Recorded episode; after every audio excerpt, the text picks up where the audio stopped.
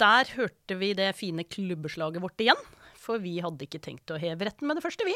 Hjertelig velkommen til en ny episode av Takk og lov. En ukentlig podkast om dagsaktuelle og mer varig aktuelle problemstillinger fra jussens verden.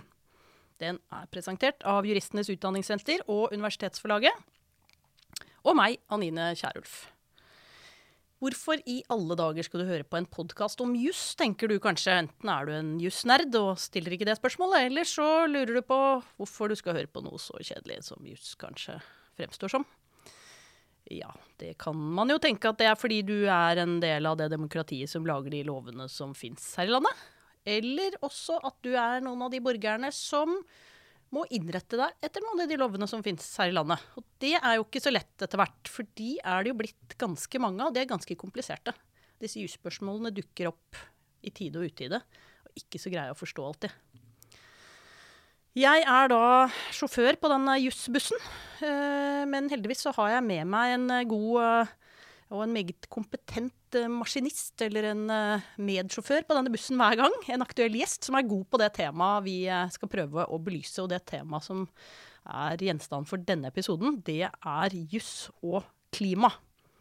Altså ikke snakk om dårlig luft i retten eller sånne ja, hva heter det, kansellipreget samtaleklima som kan være blant jurister. Vi snakker med liksom styltete ord og sånn. Det er ikke det. Det er klimakrisen, eller klimasaken, alt ettersom hvor fæl man syns den er. Iallfall de utfordringene som eh, klimautviklingen skaper, og hva de egentlig har med juss å gjøre. Til å hjelpe meg med dette høyst aktuelle temaet, så har jeg fått med meg Adele Matheson Mestad. Hun er direktør i Norges institusjon for menneskerettigheter, NIM. Eh, du er utdannet på uh, Universitetet i Oslo, Adele, og du har også en mastergrad fra New York University. Du har vært ti år hos regjeringsadvokaten. Du har møterett for Høyesterett. Eh, I tillegg så har du vært, holdt på med å påtale folkemord i Rwanda. Du har vært megler hos Riksmeglingsmannen. Og du sitter nå i regjeringens ytringsfrihetskommisjon, så det blir veldig spennende å følge den også. Vi pleier alltid når vi introduserer dagens gjest å ha en sånn fun fact. Mm. Og den fun facten som jeg har fått oppgitt, det er at du er gift med Henrik Mestad, skuespilleren. Det er jo ikke så fun. Altså, For det første vet vi det kanskje, og for det andre så er det jo bare fint. Men det som er litt fun, eh, det er at verken du eller Henrik, som er jo litt kjendiser begge to, dere er ikke sånn kjempeglad i å være i offentligheten. Dere er litt private. Allikevel likevel så eh, har Henrik for ikke så lenge siden sagt ja til å bli portrettert i VG. Kjempestort portrett. Og det gjorde han jo fordi han er like opptatt som deg av klima. Han er kjempeopptatt av den klimasaken. Så han vil gjerne benytte sjansen til å snakke om klima i et portrett av ham selv. Snakket masse, masse, masse om klima. Snakket bitte litt om Adele, for det måtte han jo, for det var jo et personlig intervju. Hva ble vinklingen i VG? Deler livet inn i før og etter Adele. Og da tenker jeg at det ble sikkert utrolig bra klima hjemme hos dere, da, etter at han sa det. For det var en veldig romantisk og hyggelig ting å si. Men uh, det var ikke så lett å få frem klimasaken, skjønner jeg. Så den skal du få lov å snakke om her i dag isteden. Tusen takk for det. Og det er jo egentlig veldig morsomt, det der Adele-dele-greiene. For at, um, det tror jeg kanskje samtlige aviser og Se og Hør og sånn som har skrevet om hans relasjon til meg, har funnet på ulike ordspillsvarianter knyttet til navnet Adele. Så det er jo ikke liksom nyvinning som VG gjør der på akkurat den deler med Adele-aktige eh, overskriften, da. Men, eh, men, det er gøy. Det er mange ting man kan tulle med på, på det, som er morsomt. La meg dele klima, ja. for eksempel. Kunne det vært. Det kan bli neste oppfølger. Ja. Nei, men eh, eh, Veldig bra. Da har vi et eh, fint bakteppe her. Eh, vi vet at du er opptatt av klima generelt. du er også opptatt av det som jurist, og det er jo på en måte den koblingen vi skal snakke om her i dag. Eh, disse klimautfordringene Mange av oss vil jo tenke at de er jo på en måte noe av det viktigste vi står oppi for tiden. Um, og grunnlaget for denne podkasten, det er jo ja, hva skal vi si, massiv forskning, nærmest konsensusbasert, om uh, menneskeskapte klimaendringer. Uh, men vi er jo i en situasjon hvor uh, mange ikke forholder seg til det. det er en såpass stor gruppe av opp opprør mot klimahysteriet, som det kalles. Mm. Eh, at det er jo en mengde mennesker som rett og slett er så stor at den fortjener å bli tatt alvorlig av demokrati. Absolutt. Det tenker jeg er veldig viktig. Og ikke minst at man ikke på en måte bare stempler det som dumt eller uopplyst eller noe sånt, men at man tar de innspillene på alvor på den måten at man må anerkjenne at det fins, og at man da, det finnes tydeligvis et både større informasjonsbehov og et behov for å jobbe med måten man snakker om disse sakene på. Um, at man ikke får dette til å bli en sånn nok en polarisert eh, debatt. Da. Det tenker jeg er livsfarlig på dette området. Bokstavelig talt livsfarlig. Ja, nettopp. Vi trenger eh, ikke nødvendigvis at alle trekker i flokk, men iallfall at vi ikke sporer av alle viktige debatter med å polarisere dem, sånn at folk blir sittende og hamre hverandre i hodet istedenfor å snakke sammen. Det er for det er et eller annet med at øh, øhm, måten å møte øh, klimakrisen på kan man jo diskutere veldig hardt så ørene flagrer, tenker jeg. Men at man kan begynne med en diskusjon som er basert på en enighet om at det finnes en klimakrise, ville gjort det veldig mye lettere. Fordi klimakrisen og løsningen av den handler jo om ganske mange politiske betente spørsmål. Både hvordan man kan løse det på en måte som eh, ikke bidrar til å forsterke økonomiske forskjeller, og alle disse sidene som også har sterke menneskerettslige sider, for så vidt. Men det er veldig vanskelig hvis man ikke kan begynne med en enighet om det ubestridte faktumet som fins. Da har vi en utfordring. Ja, og da, den enigheten er, det jo, er jo ikke der da alltid i alle leirer, tror jeg. Men kanskje er det da sånn at uh, de som er veldig opptatt av klima, må tenke litt over hvordan vi snakker om det. Sånn at ikke vi bidrar fra den andre siden til å gjøre dette temaet enda mer eh, polarisert enn det eh, trenger å være. Eh, det er jo ikke så lett å å si, overstyre de sosialmediale algoritmene og alle de menneskelige egenskapene som gjør at vi begynner å krangle om ting, men, eh, men eh, å ha det i bakgrunnen. Jeg er med i den gruppen bare fordi jeg syns det er interessant, den motgruppen mot klimamotgruppen, holdt jeg på å si. Ja, hvor mange ov, sånn høk over høk-grupper er det nå? egentlig? Nei, jeg vet ikke. Jeg vet bare om disse, og det har vært interessant å følge. Men der var det en som jeg syns hadde et veldig fint perspektiv. Eller han sa jeg var litt brun politisk før. Når folk stempla meg som rasist, så ble jeg enda brunere. Og sånn er det på dette feltet her. Og hvis eh, du er eh, klimafornekter og folk stempler deg som dum, så blir du antagelig bare mye mer klimafornekter. Da Hvilken farge har de? Nei, det er jo også et innmari godt spørsmål, for her er Ikke er grønne, i hvert fall. De er i hvert fall Rød? ikke Det grønne. er grønne. Hva er motfargen til grønt? Det er, er det oransje, kanskje? Neongult, jeg vet ikke. Neon, det er noe med neon, tror Ja. jeg. Neon Det er noe hardt, veldig hard farge. Hard Ja. Men det tenker jeg at man, eh, man må møte dette på en måte som ikke pusher den polariseringen ytterligere utover. Det er det ingen som er eh, tjent med. Og det gjelder jo generelt her i verden. At, eh, at, at man skal behandle folk respektfullt, uansett hva de måtte mene. Ja, det er, det, dette er bra. Nå føler jeg at vi har snakket egentlig om litt av temaet for Ytringsfrihetskommisjonen din. Egentlig. Veldig egentlig. bra å Mm. prøve å få det litt inn her også, for det, eh, mange av disse temaene er jo av en karakter som bidrar til noen av de utfordringene som Absolutt. den kommisjonen også skal jobbe med. Men eh, ja, nå kan man jo av og til tenke at juss bidrar til å polarisere det også, fordi eh, eh, hele den juridiske det juridiske teater er jo på en måte lagt opp til pro et kontra. da, At man skal ha et argument på den ene siden og et uh, motargument fra den andre. Eh, og sånn er det jo i noen grad eh, strukturen i disse, disse søksmålene som gjelder klima også. Noen mener noe veldig sterkt på den ene siden, både faktisk og juridisk, og så mener noen noe på den andre siden. Eh, vi skal snakke litt om det norske klimasøksmålet, men bare så vi skjønner det rettslige bakteppet her. Eh, vi kan komme tilbake til de faktiske utfordringene i søksmålet, men det er en grunnlovsbestemmelse vi har om klima. Mm. Hva går den ut på? Vi har Grunnlovens paragraf 112, som gir enhver rett til et miljø som sikrer helsen, og til en natur der produksjonsevne og mangfold bevares, står det der. Og så står det sånn som jeg, synes er veldig fint, som er naturens ressurser skal disponeres ut fra en langsiktig og allsidig betraktning som ivaretar den retten også for etterslekten. Ja. Og det med etterslekten det tenker jeg er et helt sentralt uh, poeng her, som man bør gruble ganske mye på. For de aller fleste problemstillinger som et samfunn håndterer, handler jo om utfordringer som knytter seg til de menneskene som faktisk lever. Mens akkurat klimakrisen kommer mest sannsynlig ikke til å materialisere seg i sin fulle fælhet eh, før vi er døde, og kanskje også når våre barn er døde. Men det vil si at det handler om rettighetene til mennesker som ikke er født ennå. Etterslekten vår. Så menneskerettslig internasjonalt så har f.eks. FNs generalsekretær, når han snakket om dette i sin tale nå på mandag i FNs menneskerettighetsråd, så snakker han om menneskerettighetene til de som ikke er født ennå. Eh, og det er en superviktig dimensjon eh, her. Intergenerational equity. Ikke sant. Eh, og det er jo for det første utfordrende demokratisk, tenker jeg. Da. For man tenker jo når man snakker om demokrati, at demokratiet skal løse problemene, eller ut, samfunnsutfordringene. eh, og at de som lever, skal påvirke hvordan de problemene løses. Ja. Men igjen, da. Da kommer jo demokratiet ikke til kort når man snakker om at man skal løse problemene til de som ikke er født eh, ennå. Kan vi dvele litt ved det med demokrati, for dette er da en grunnlovsbestemmelse. Og den eh, Når er den fra?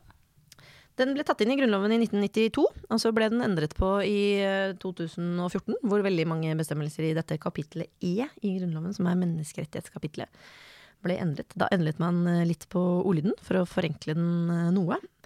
Det er nå én ting, men en annen ting er at man da også kom med en del uttalelser. Altså de som da er grunnlovsgiverne våre, nemlig Stortinget. De kom da med en del uttalelser om hvordan den bestemmelsen er ment å forstå. Som da har blitt sentrale nå i disse, dette søksmålet som pågår, på hvordan denne, denne, bestemmelsen skal forstås som en rettighetsbestemmelse eller ikke. Ja, for det er eh, Av og til så hører man jo at det å påberope seg Grunnloven eh, til fortrengsel for en eller annen lov eller et eller annet vedtak, det er udemokratisk. Mm. Men det du sier her, eh, som man jo kanskje vet, men som man ikke tenker over hele tiden, det er at grunnlovsbestemmelsene er jo også demokratisk vedtatt. Mm. Og de er kanskje enda mer demokratisk vedtatt. Mm.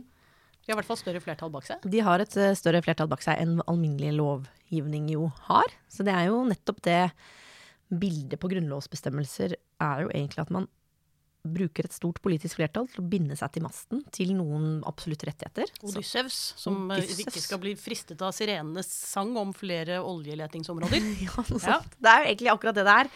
Og på den måten, fordi at grunnloven vår har det som heter trinnhøyere rang da, enn annen lovgivning, så setter jo det da noen rammer for politikkutformingen ellers. Så man tegner liksom et kart rundt det politiske spillet og sier her går det noen grenser. utenfor dette. Er det sånn politisk langtidsplan, nærmest? Nesten. Ja, det er jo det. Altså, det er jo en langtidsplan, en evig lang langtidsplan, helt til grunnlovsbestemmelsen igjen blir endret. Da. Det er noe med å sikre stabilitet og, og enkelte rettigheter som er helt avgjørende for et samfunn. En, det er jo ut fra en grunnleggende forståelse om at demokrati i seg selv ikke alltid er tilstrekkelig til å beskytte mindretallet mot overgrep i flertallets navn, eller i dette tilfellet da beskytte menneskene som ikke er født ennå. Nå følte jeg at du fikk veldig bra sånn, litt samfunnskontrakten og hele opplysningstiden og alle disse idealene opp her. Men ja. det er jo, dette er store tanker. Eh, kan vi ta det litt ned igjen og prøve å, å, skjønne hva er det akkurat denne saken går ut på, og hvordan knytter den an til denne grunnlovsbestemmelsen? Mm. Regjeringen vedtok da at gjennom det som man kalte for 23. konsesjonsrunde, å gi en tildeling til en utvinningstillatelse i Barentshavet. Hva betyr det egentlig? Da, da, er det sånn OK, nå får dere lov å lete mer og bore mer? Nei, det, det, er jo det, og det er jo helt sentralt her også. Det betyr egentlig bare at nå kan dere gå i gang med å se om dere kan lete mer, og så må man jo konkretisere den utdannelsen, tillatelsen, ytterligere seinere. Ja. Så det er et slags um, det betyr ikke grønt kort for å faktisk utvinne, eh, egentlig. Det er en, en, en altså, start dra, på det. Dra til Klondyke og se om det er gull der, og så får vi vente med å se om dere får lov ja, å vinne det ut. Egentlig. Ja. Um, og så er det da disse um, klimaorganisasjonene, eller um, Natur og Ungdom, Besteforeldrenes klimaaksjon og flere, som da har gått i søksmål om gyldigheten av dette vedtaket som er fattet. Og hevder at det da er i strid med Grunnloven. Og det er jo sånn konstitusjonelt at man kan ikke fatte vedtak som er i strid med Grunnloven. Ja, for det var det hierarkiet du snakket om i sted. Det, må, det, må, det, må liksom, det som er under, må stemme overens med det som er over. Ja. Uh, og det begrunner de da i henvisning til denne grunnlovsbestemmelsen som jeg nevnte i stad, grunnlovsparagraf 112, at det vil være i strid med denne retten til miljø da, som disse organisasjonene mener at man kan utlede, eller uh, som følger av denne grunnlovsbestemmelsen. Um, og det har da gått gjennom to runder nå. Først i tingretten, hvor uh, organisasjonene for så vidt tapte på det spørsmålet, og det gjorde de også i lagmannsretten. Men det interessante er jo at Lagmannsretten fastslår to ganske sentrale ting. Det ene er jo at dette bestemmelsen faktisk er en rettighetsbestemmelse. Altså at den gir rettigheter som kan påberopes for domstolene. Det må vi bare dvele litt ved, for det virker jo som det er rart at man putter rettigheter inn i en grunnlov hvis de ikke kan påberopes for domstolene, men der er det en forskjell, er det det? Der er det. Det finnes noen bestemmelser i Grunnloven som er mer regna som sånn politiske målsetninger, sånn overordnede ønsker, men som på en måte ikke binder myndighetene på noe vis. Uh, for eksempel man kan ikke gå som arbeidsledig til domstolen og si 'jeg har en rett til arbeid, gi meg arbeid'. Det, Nei, det var det jo en sak oppe om i fjor, var det det? Ja. Mm. Et spørsmål om man egentlig har rett til arbeid. Sånn ja. man Påberopes på den måten. Ja. Uh, men ikke sant, dette er jo litt sånn uh, Dette blir jo fort litt teknisk, da. Uh, men, men, her mente jo da staten at dette er ikke ment som en sånn rettighetsbestemmelse. Eh, dette Det er den samme staten som nå gjerne vil gi denne konsesjonen at den Ja. er gyldig. som sier at dette kan man godt mene politisk, at man ikke bør gi den utvinningstillatelsen. Men da er det en politisk vurdering, det er ikke noe domstolene skal øh, overprøve. Det er noe politikerne skal ta stilling til. Og det er også et helt si, det, er, det er et veldig vanlig synspunkt. Og det er jo ikke fordi at det er jo fordi man mener at det er i hovedsak de demokratiske beslutningene som skal virke styrende i et samfunn, og ikke disse dommerne som jo ikke er demokratisk valgt. Nei. Så Derfor er denne balanseringen mellom hva er det statens demokratisk valgte myndigheter skal beslutte, og hva er det statens domstol skal beslutte, den er jo alltid kontroversiell. Da. Det er jo hele det vi kaller for rettsliggjøringsdebatten. Men hvorfor laget de den grunnlovsbestemmelsen da? Nei, ikke sant. Og det er jo det som eh, veldig mye av dommen handler om, egentlig. Å løfte på en måte argumentene for at domstolene bør kunne ta stilling til dette. Og argumentene mot at domstolene bør eh, avgjøre dette. Og i den boksen som heter for, så ligger jo nettopp det at både det jeg snakket litt om i stad, dette med retten etter etterslekten. Altså at det er noen demokratiske utfordringer knyttet til Takk, da fikk jeg litt kaffe her også. Knyttet til um, å tenke at dette alene skal løses demokratisk, eh, fordi nettopp denne etterslekten jo interesser da ikke nødvendigvis blir godt nok ivaretatt. Og ikke minst, det sier lagmannsretten ganske fint, syns jeg, at hvor alvorlig dette er. Altså hvor, eh, hvor ekstremt alvorlig dette er. På den annen side så er det jo sånn at Stortinget i flere anledninger har tatt stilling til denne 23. konsesjonsrunden. Så demokratisk har man jo faktisk besluttet å gjøre dette. Og hvilken, hvilken rett da har da retten til å overprøve, overprøve det. Det er dilemmaet sånn helt eh, kort og enkelt fortalt. Og nå er saken anket inn for Høyesterett. Vi vet jo ikke om den slipper inn der. Men eh, eh, hva kan skje videre der, da? Nei, det mm, ene spørsmålet, det viktige spørsmålet, er jo dette med hva slags Om grunnlovsparagraf 112 er en rettighet, og ikke minst i så fall hva slags rettighet. Hva slags terskler er det den oppstiller? Hvordan gjør man de vurderingene av hva det konkret innebærer at man har en rett til et miljø? Hva, bet hva betyr det i en klimakontekst? Mm. Uh, og så er det jo det andre spørsmålet hvor organisasjonene kom vesentlig lenger i andre runde enn i første runde. Nemlig at man sa en ting er jo de klimabelastningene det har at du rent faktisk utvinner den oljen på norsk jord. Det, det fører jo til en god del utslipp. Men det ordentlige utslippet fra det er jo selvfølgelig det sekundet du begynner å brenne den oljen og ute. Når du har solgt oljen og gassen der ute. Ja. Skal det også trekkes inn i vurderingen, i den balanseringsvurderingen som grunnlovsbestemmelsen legger opp til? Det er jo det andre viktige spørsmålet som da organisasjonene i lagmannsretten fikk medhold i. Ja, hva sier domstolen, hva sier lagmannsretten der, da? der sier lagmannsretten at det må vi også ta med Ja. i betraktning. Hva slags mengden på CO2-utslipp knyttet til brenningen av oljen. Og det tenker jeg det, eh, det er vanskelig å skjønne hvordan man ikke skulle regne med det. Men det er jo et eller annet med i rettslig sammenheng så snakker man veldig ofte om hva som skjer innenfor statens eget territorium. Det er liksom vanskeligere å pålegge ansvar for ting som skjer utenfor statens territorium. Ja. Sånn jevnt og trutt. Men Her er vi egentlig ved en sånn, nok en sånn, et sted hvor nasjonalstatsstrukturen i verden, som jo har utrolig mange fordeler fremdeles, eh, blir utfordret. Fordi det er mye som er globalt, om det er handel eller internett eller Klima. forurensning. Det er det. Og det kommer stadig flere sånne eksempler, egentlig, hvor disse klassiske måtene å tenke om jurisdiksjon og ansvar eh, og statsansvar eh, utfordres veldig, da. Som følge av at veldig mange ting nå egentlig er grenseoverkryssende. Fenomener som vi ikke hadde før.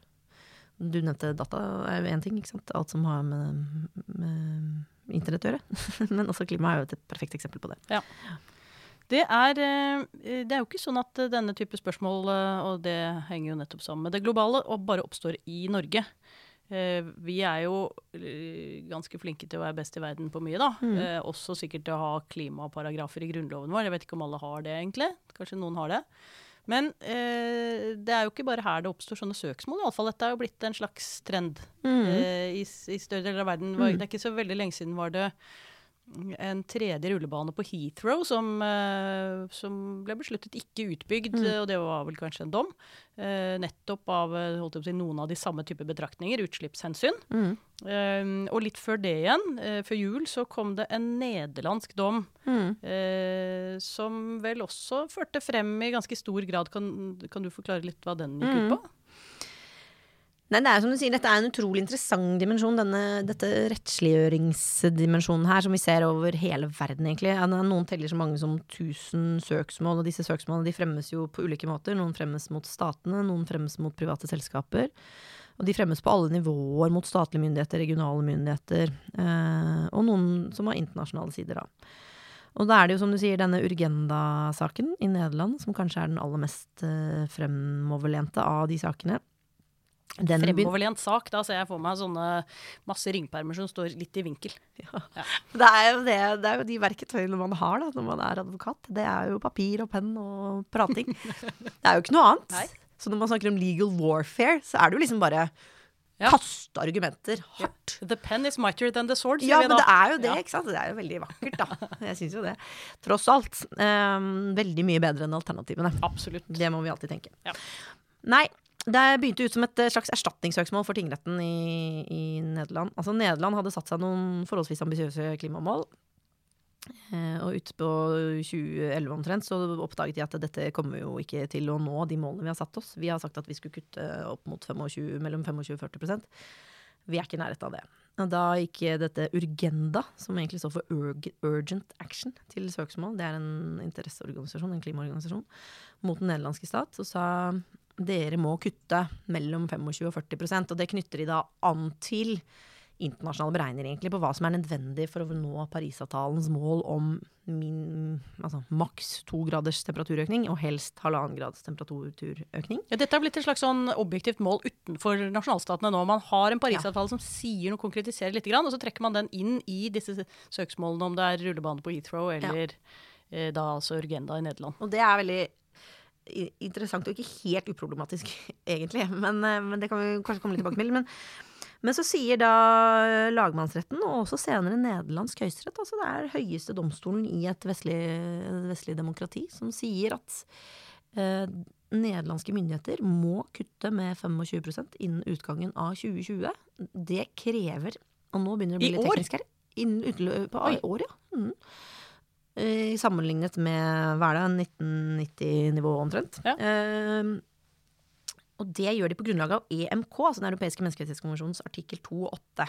Artikkel 2 beskytter retten til liv, artikkel 8 beskytter retten til privatliv og familie, men det er vel særlig privatlivet her som gjelder. Og der har man over tid egentlig utviklet noen doktriner om at hvis det foreligger en akutt og umiddelbar fare, så må statene sette i gang iverksatt, eller iverksette positive tiltak for å beskytte borgerne. En handlingsplikt, En Ikke, handlingsplikt. ikke sånn vanlig negativ forpliktelse til å avstå fra å gripe inn i rettigheter, men sånn plikt til å handle. Gjøre plikt noe. til å handle, plikt til å gjøre noe. Uh, og det har stort sett vært den liksom, hyppigst brukte måten av den doktrinen. er sånn, hvis, no, hvis staten vet at uh, en mann har tenkt å drepe sin kone, så må man forsøke å forhindre den mannen i å drepe sin kone. Men så har det også utviklet seg i relasjon til konkrete miljøsaker. Denne familien bor under et søppelberg. Det er farlig, for det søppelberget vil tippe i hodet på dem hvis ikke staten nå gjør tiltak for å redde dem fra å få det søppelberget i hodet. Altså veldig sånn konkrete miljøskadeproblematikk. Hva var det som skulle skje i Nederland, da, konkret? Nei, og det er jo kanskje, i den grad man skal eh, stille noen spørsmål ved den dommen, så er det jo det, ikke sant. Det ene er jo hva er det som utløser en handlingsplikt hos staten? Nei, det er at en immediate, eh, immediate eh, altså en umiddelbar risiko. Og da peker de på litt ulike ting, eh, egentlig. De peker på um, både dette med at hvis vannet stiger rundt Nederland, så vil jo dette um, være veldig dramatisk for Nederland, fordi det Ja. ligger jo så lavt. For det rett og slett synker.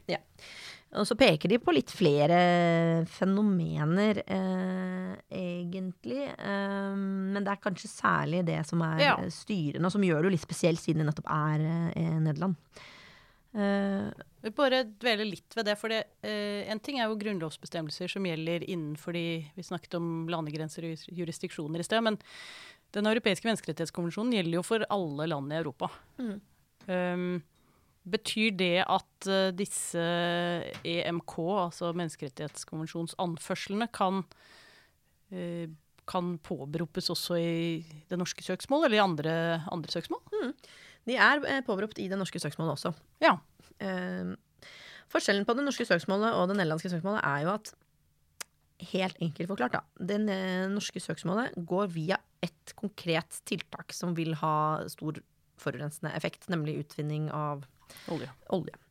Det den nederlandske saken egentlig sier, er vi legger oss ikke opp i hvilke tiltak dere bruker for å nå dette målet om 25% Vi sier bare at dere må redusere 25% fordi det er en helt nødvendig betingelse for å nå Parisavtalens mål. Ja. Det må til. Det er ingen alternativer til å kutte i CO2, altså annet enn CO2-fangst, selvfølgelig. Men det må til. Mens i det norske søksmålet så er det selvfølgelig veldig omtvistet. Er dette den lureste måten å å spare. Parisavtalens krav på, Ja. eller å spare miljøet på? Hvor, hva så med CO2-kvotesystemet? Eh, kunne vi tenkt oss andre ting? Hvor stor vil effekten av dette tiltaket være versus andre tiltak? Spørsmål om årsakssammenheng egentlig som er klarere der Ja. nede, da, eller? og egentlig spørsmål om valg av politiske tiltak for å nå et mål. Ja. Mens, eh, mens det nederlandske søksmålet er jo sånn forsvinnende enkelt, for det knytter seg bare direkte til at det må kuttes i CO2. Og så sier domstolen hvordan dere som politiske myndigheter vil gjøre det, Det det legger ikke vi oss opp i. Nei. Det må dere beslutte selv. For det er jo det som er det store diskusjonstemaet, ikke sant? hvor det er reelle meningsmotsetninger om hva er den mest effektive måten å nå klimakutt, eller få til effektive og billige, billigst mulig klimakutt på.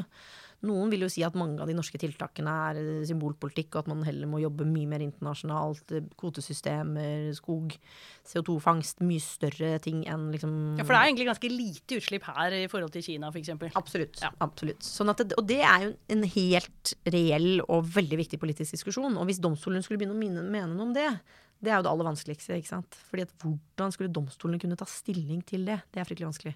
Ja, og det kunne ikke være sånn at eh, EMK bare gjaldt i de landene som risikerte å bli oversvømmet, men Sveits og Norge f.eks., hvor alle kunne flytte opp i fjellet, så kunne man egentlig bare utvinne så mye olje og forurense så mye vann man ville. Nei. Nei, det er et globalt problem. Uh, og, det, og det er også litt fint, syns jeg. tenker jeg, I den nederlandske saken så sier de veldig tydelig at For det er jo det samme med Nederland. Nederlands klimautslipp i forhold til det globale er jo mikroskopiske. På samme måte som det er lite i Norge også i forhold til hva Kina og sånn gjør. Men da sier domstolen bare det er fint mulig, men det er nå likevel et bidrag. Eh, Vi Ja. kan ikke liksom Hvis alle sier dette, alle så blir det aldri dette, så noe blir det aldri noe skikk på noe. Nei, nei. Så, og det tenker jeg er en ganske viktig og riktig Ja. premiss. da, At uh, alle kan ikke tenke sånn. Ja, men vårt bidrag er så lite. Alle Men det, du har jo vært inne på dette et par ganger i denne samtalen allerede, eh, dette med rettsliggjøring. Mm. For det er jo en, eh, en litt sånn umiddelbar motstand i oss, tror jeg, når vi tenker at eh, våre demokratisk folkevalgte ikke skal få bestemme dette. Eh, dette er noe våre ikke-valgte elitistiske dommere, som vi ikke vet hvem er engang, skal sitte og avgjøre. Mm. Og det er jo et generelt problem da, som alltid oppstår i balansegangen mellom de statsmaktene, nemlig de politiske og de dømmende. Men som kanskje er, blir enda mer påtrengende her fordi det er så kompliserte spørsmål. Nettopp det du snakket om med årsakssammenheng, det globale perspektivet. Disse tingene er egentlig dommere de som er best egnet til å gjøre dette.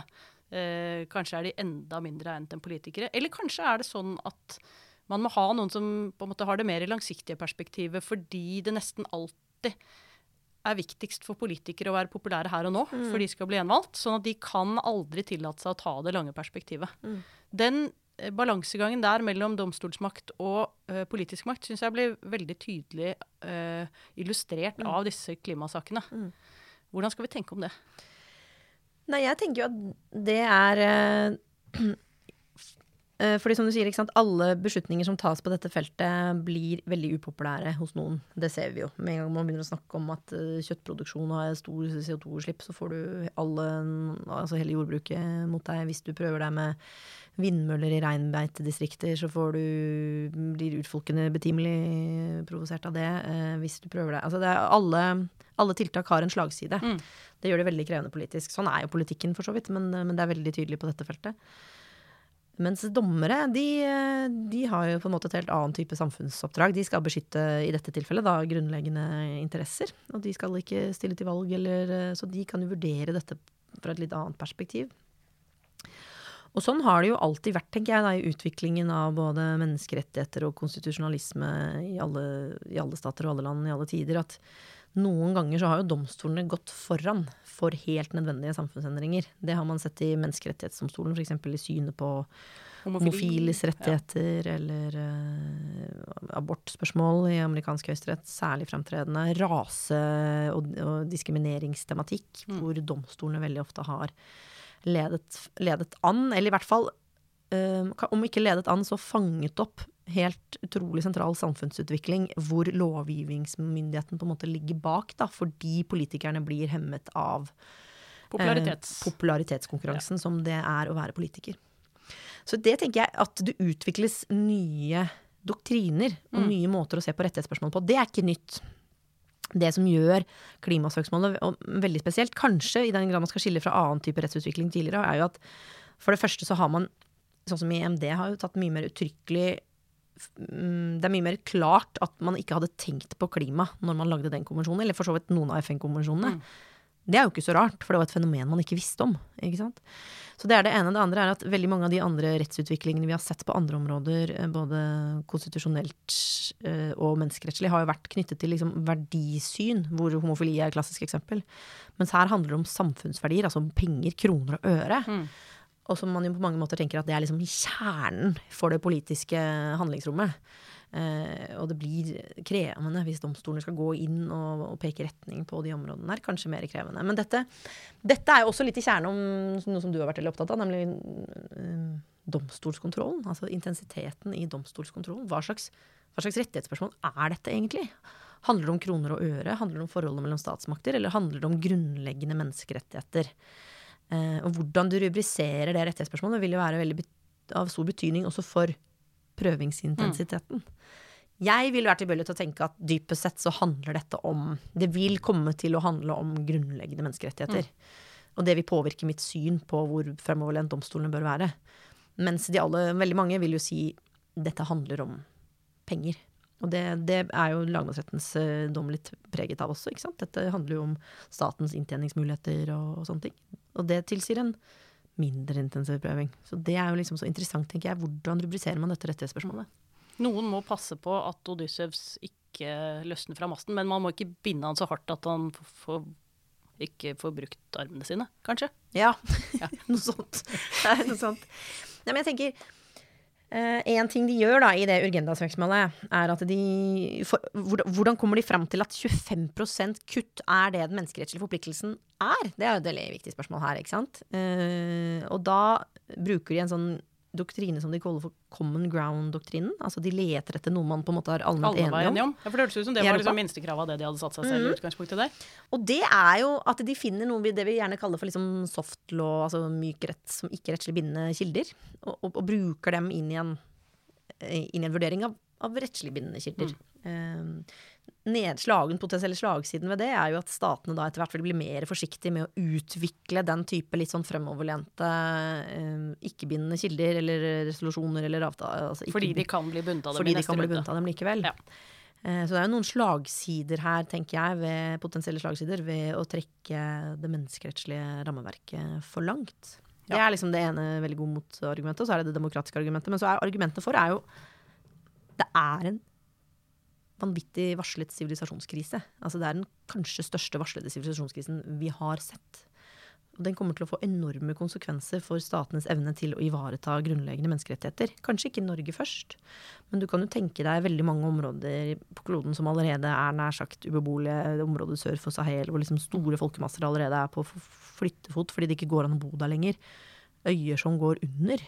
Så i Norge Eh, på sikt, da, når de skjønner at det eneste levelige stedet å bo er Nord-Europa til slutt. Ja. Og det vil jo være den første materialiseringen av det menneskerettighetsproblemet, er jo klimaflyktningsproblematikken. Mm. Som jo ikke er et, øh, et lite spørsmål, det er et svært spørsmål, ikke sant. Eh, Og som allerede dukker opp, og som allerede har dukket opp i FNs traktatorganer, annet i enkeltklagesaker.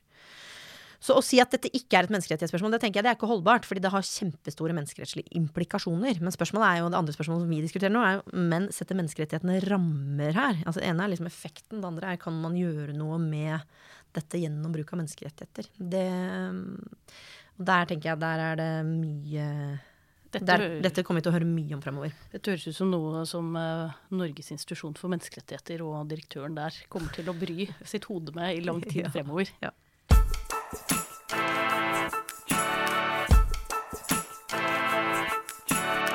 Kjære takk og lov-lytter, velkommen tilbake til Jusshjørnet. Velkommen, velkommen.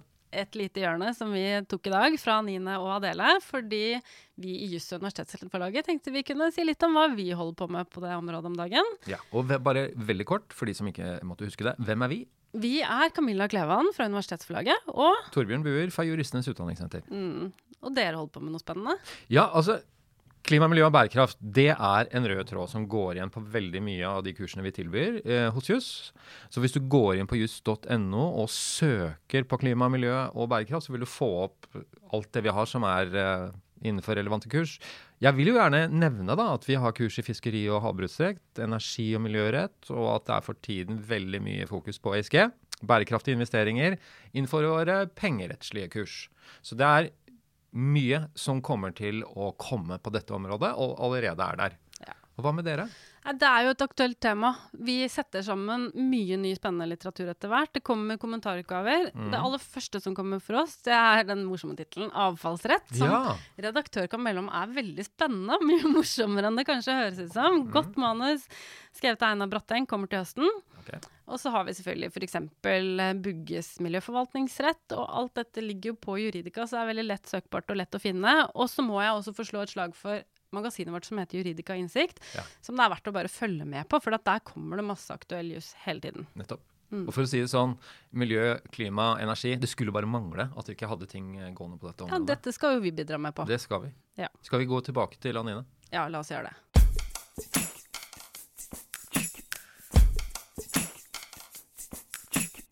Eh, tusen takk skal du ha, Dele Mestad. Det har vært eh, utrolig morsomt. Det er det alltid. Eh, og opplysende å snakke med deg. Um, Takk for at jeg fikk komme. Det er alltid veldig hyggelig å snakke med deg, Anine. Ja, vi kan bare fortsette med dette, også uh, off-air. Um, vi har en liten eh, spalte her i denne podkasten, takk og lov. Og i og med at vi er så gode på de der to ordene, så heter den, eh, eller tre ordene, Har du hørt? Har du hørt? Har du hørt? Eh, hvor vi inviterer gjesten vår. Har du hørt? Har du hørt? Dette kan vi utvikle. Har, har du? Um, hvor vi, vi inviterer gjesten vår til å utvikle en um, Eller fortelle en historie som uh, ja, kan passe inn under den vignetten, om den er morsom eller litt rar eller et eller annet. Du, har du hørt hva som skjedde med meg, eller? Hva er det som har skjedd uh, med deg, Adele? Du, jeg tenker litt på dette. Jeg kom på en sak, jeg, jeg jobba jo som advokat hos regjeringsadvokaten i mange år. Og når jeg hadde jobbet der en stund, så begynte jeg å bli litt um, frustrert av og til over um, Altså, domstolssporet er jo veldig fint. Det er jo et veldig ryddig og, og løsningsorientert spor, for så vidt. Men, men det, det skaper jo tapere og vinnere alltid. Ja. Så jeg blir stadig mer og mer interessert i liksom meglingsmuligheter. Altså, kan vi løse konfliktene Ja, før de kommer Kan vi ikke bare være venner, tenkte du? Kan vi ikke bare være venner, tenkte jeg. Ja. Så jeg begynte stadig vekk å forsøke å få til møter med motparter for å se om vi ikke kunne løse saker som var litt vanskelige. Og dette var en sak om en fyr som hadde vært på kjøretur fra Stavanger, eller noe sånt, og så var han blitt tatt for å kjøre uten Bilbelte. bilbelte. Ja. Eh, og det mente han at var helt håpløst, for han hadde hatt på seg bilbelte. Men det var to politimenn som hadde observert han kjøre uten bilbelte. Og det mente han var helt umulig at de kunne sett det. For han kjørte i en bil med et sånt helt moderne system som pep hele tiden. Ja, det er utrolig irriterende. Det er irriterende. utrolig Man kan irriterende. jo ikke kjøre uten. det. Er jo tortur, ikke sant? Pip, pip, pip, pip. Så et sted inni meg så tenkte jeg ah, han har jo kanskje rett i det at han har hatt på seg det bilbeltet, men, eh, men det var ikke så mye jeg kunne gjøre med det. Men jeg innkalte han til et møte hvor vi skulle snakke om liksom, bevissituasjonen og hva vi, kanskje vi kunne løse dette på et eller annet vis. Og da hadde du vært på sånn fin sånn meglerkurs. Da hadde jeg vært på meglerkurs. Hvordan får man folk til å bli glad i hverandre og da handler det veldig mye om å liksom fjerne følelser fra personen. Altså Du må finne ut hvilke følelser er det som fòrer denne konflikten. Så det satte jeg da pliktskyldigst og prøvde å spørre han om liksom, hva han følte Kan da. av psykol hele meste. ja. Og han, jo mer jeg spurte om det, jo sintere og mer forarget eh, ble han. Men av teorien denne- stemte ikke med Nei, ikke det hele tatt. Det var ikke noe getting to yes der i det hele tatt. Det var bare getting to mad som skjedde. Så han ble sintere og sintere, og det endte med at han reiste seg opp. Han var veldig svær. Han var jo nesten to meter høy. Og så begynte han å rope litt til meg om at jeg var en Han likte ikke verken advokater eller domstoler eller noen. Og reiste seg opp og gikk ut. Men så var det liksom forvirrende hvor utgangen var hos regjeringsadvokaten. Så han begynte å gå rundt i gangene der og rope sånn sinte ting til meg, og fant ikke veien ut med meg løpende bak. Prøvde å roe han ned med alt jeg hadde lært om å liksom adressere følelser. Men eh, noen ganger så kommer man til kort, gitt. Har du Getting to storming out var det vi landa på. Ja. det må jeg si. Det, den, eh, den var eh, god. Jeg vet ikke hva moralen er, egentlig. Ja, jeg tenker at Man må ikke gi opp likevel da, og prøve å komme til enighet, men det er ikke alltid det går. Nei, det, mener jeg er en ganske god eh, avslutning. Det var en meget realistisk avslutning på en podkast om et spørsmål mange er uenige om. Tusen takk for den eh, historien, Adele, og tusen takk for at eh, du kom. Takk for at jeg fikk komme. Det er, eh, har vært en glede å ha deg her. Da skal vi runde av eh, takk og lov for i dag, og takk og lov for det, er det kanskje noe som sier. Eh, de som eh, har lyst til å høre på oss videre, eller kanskje vil si hvorfor de ikke har lyst til å høre på oss videre, de kan rate oss på iTunes, så fint om du gjør det, om du, uansett om du har ris eller ros. Eh, og har du lyst til å høre mer av eh, de nerdete jusspørsmålene vi grubler på, så er det hyggelig om du følger oss i neste episode av Takk og lov også.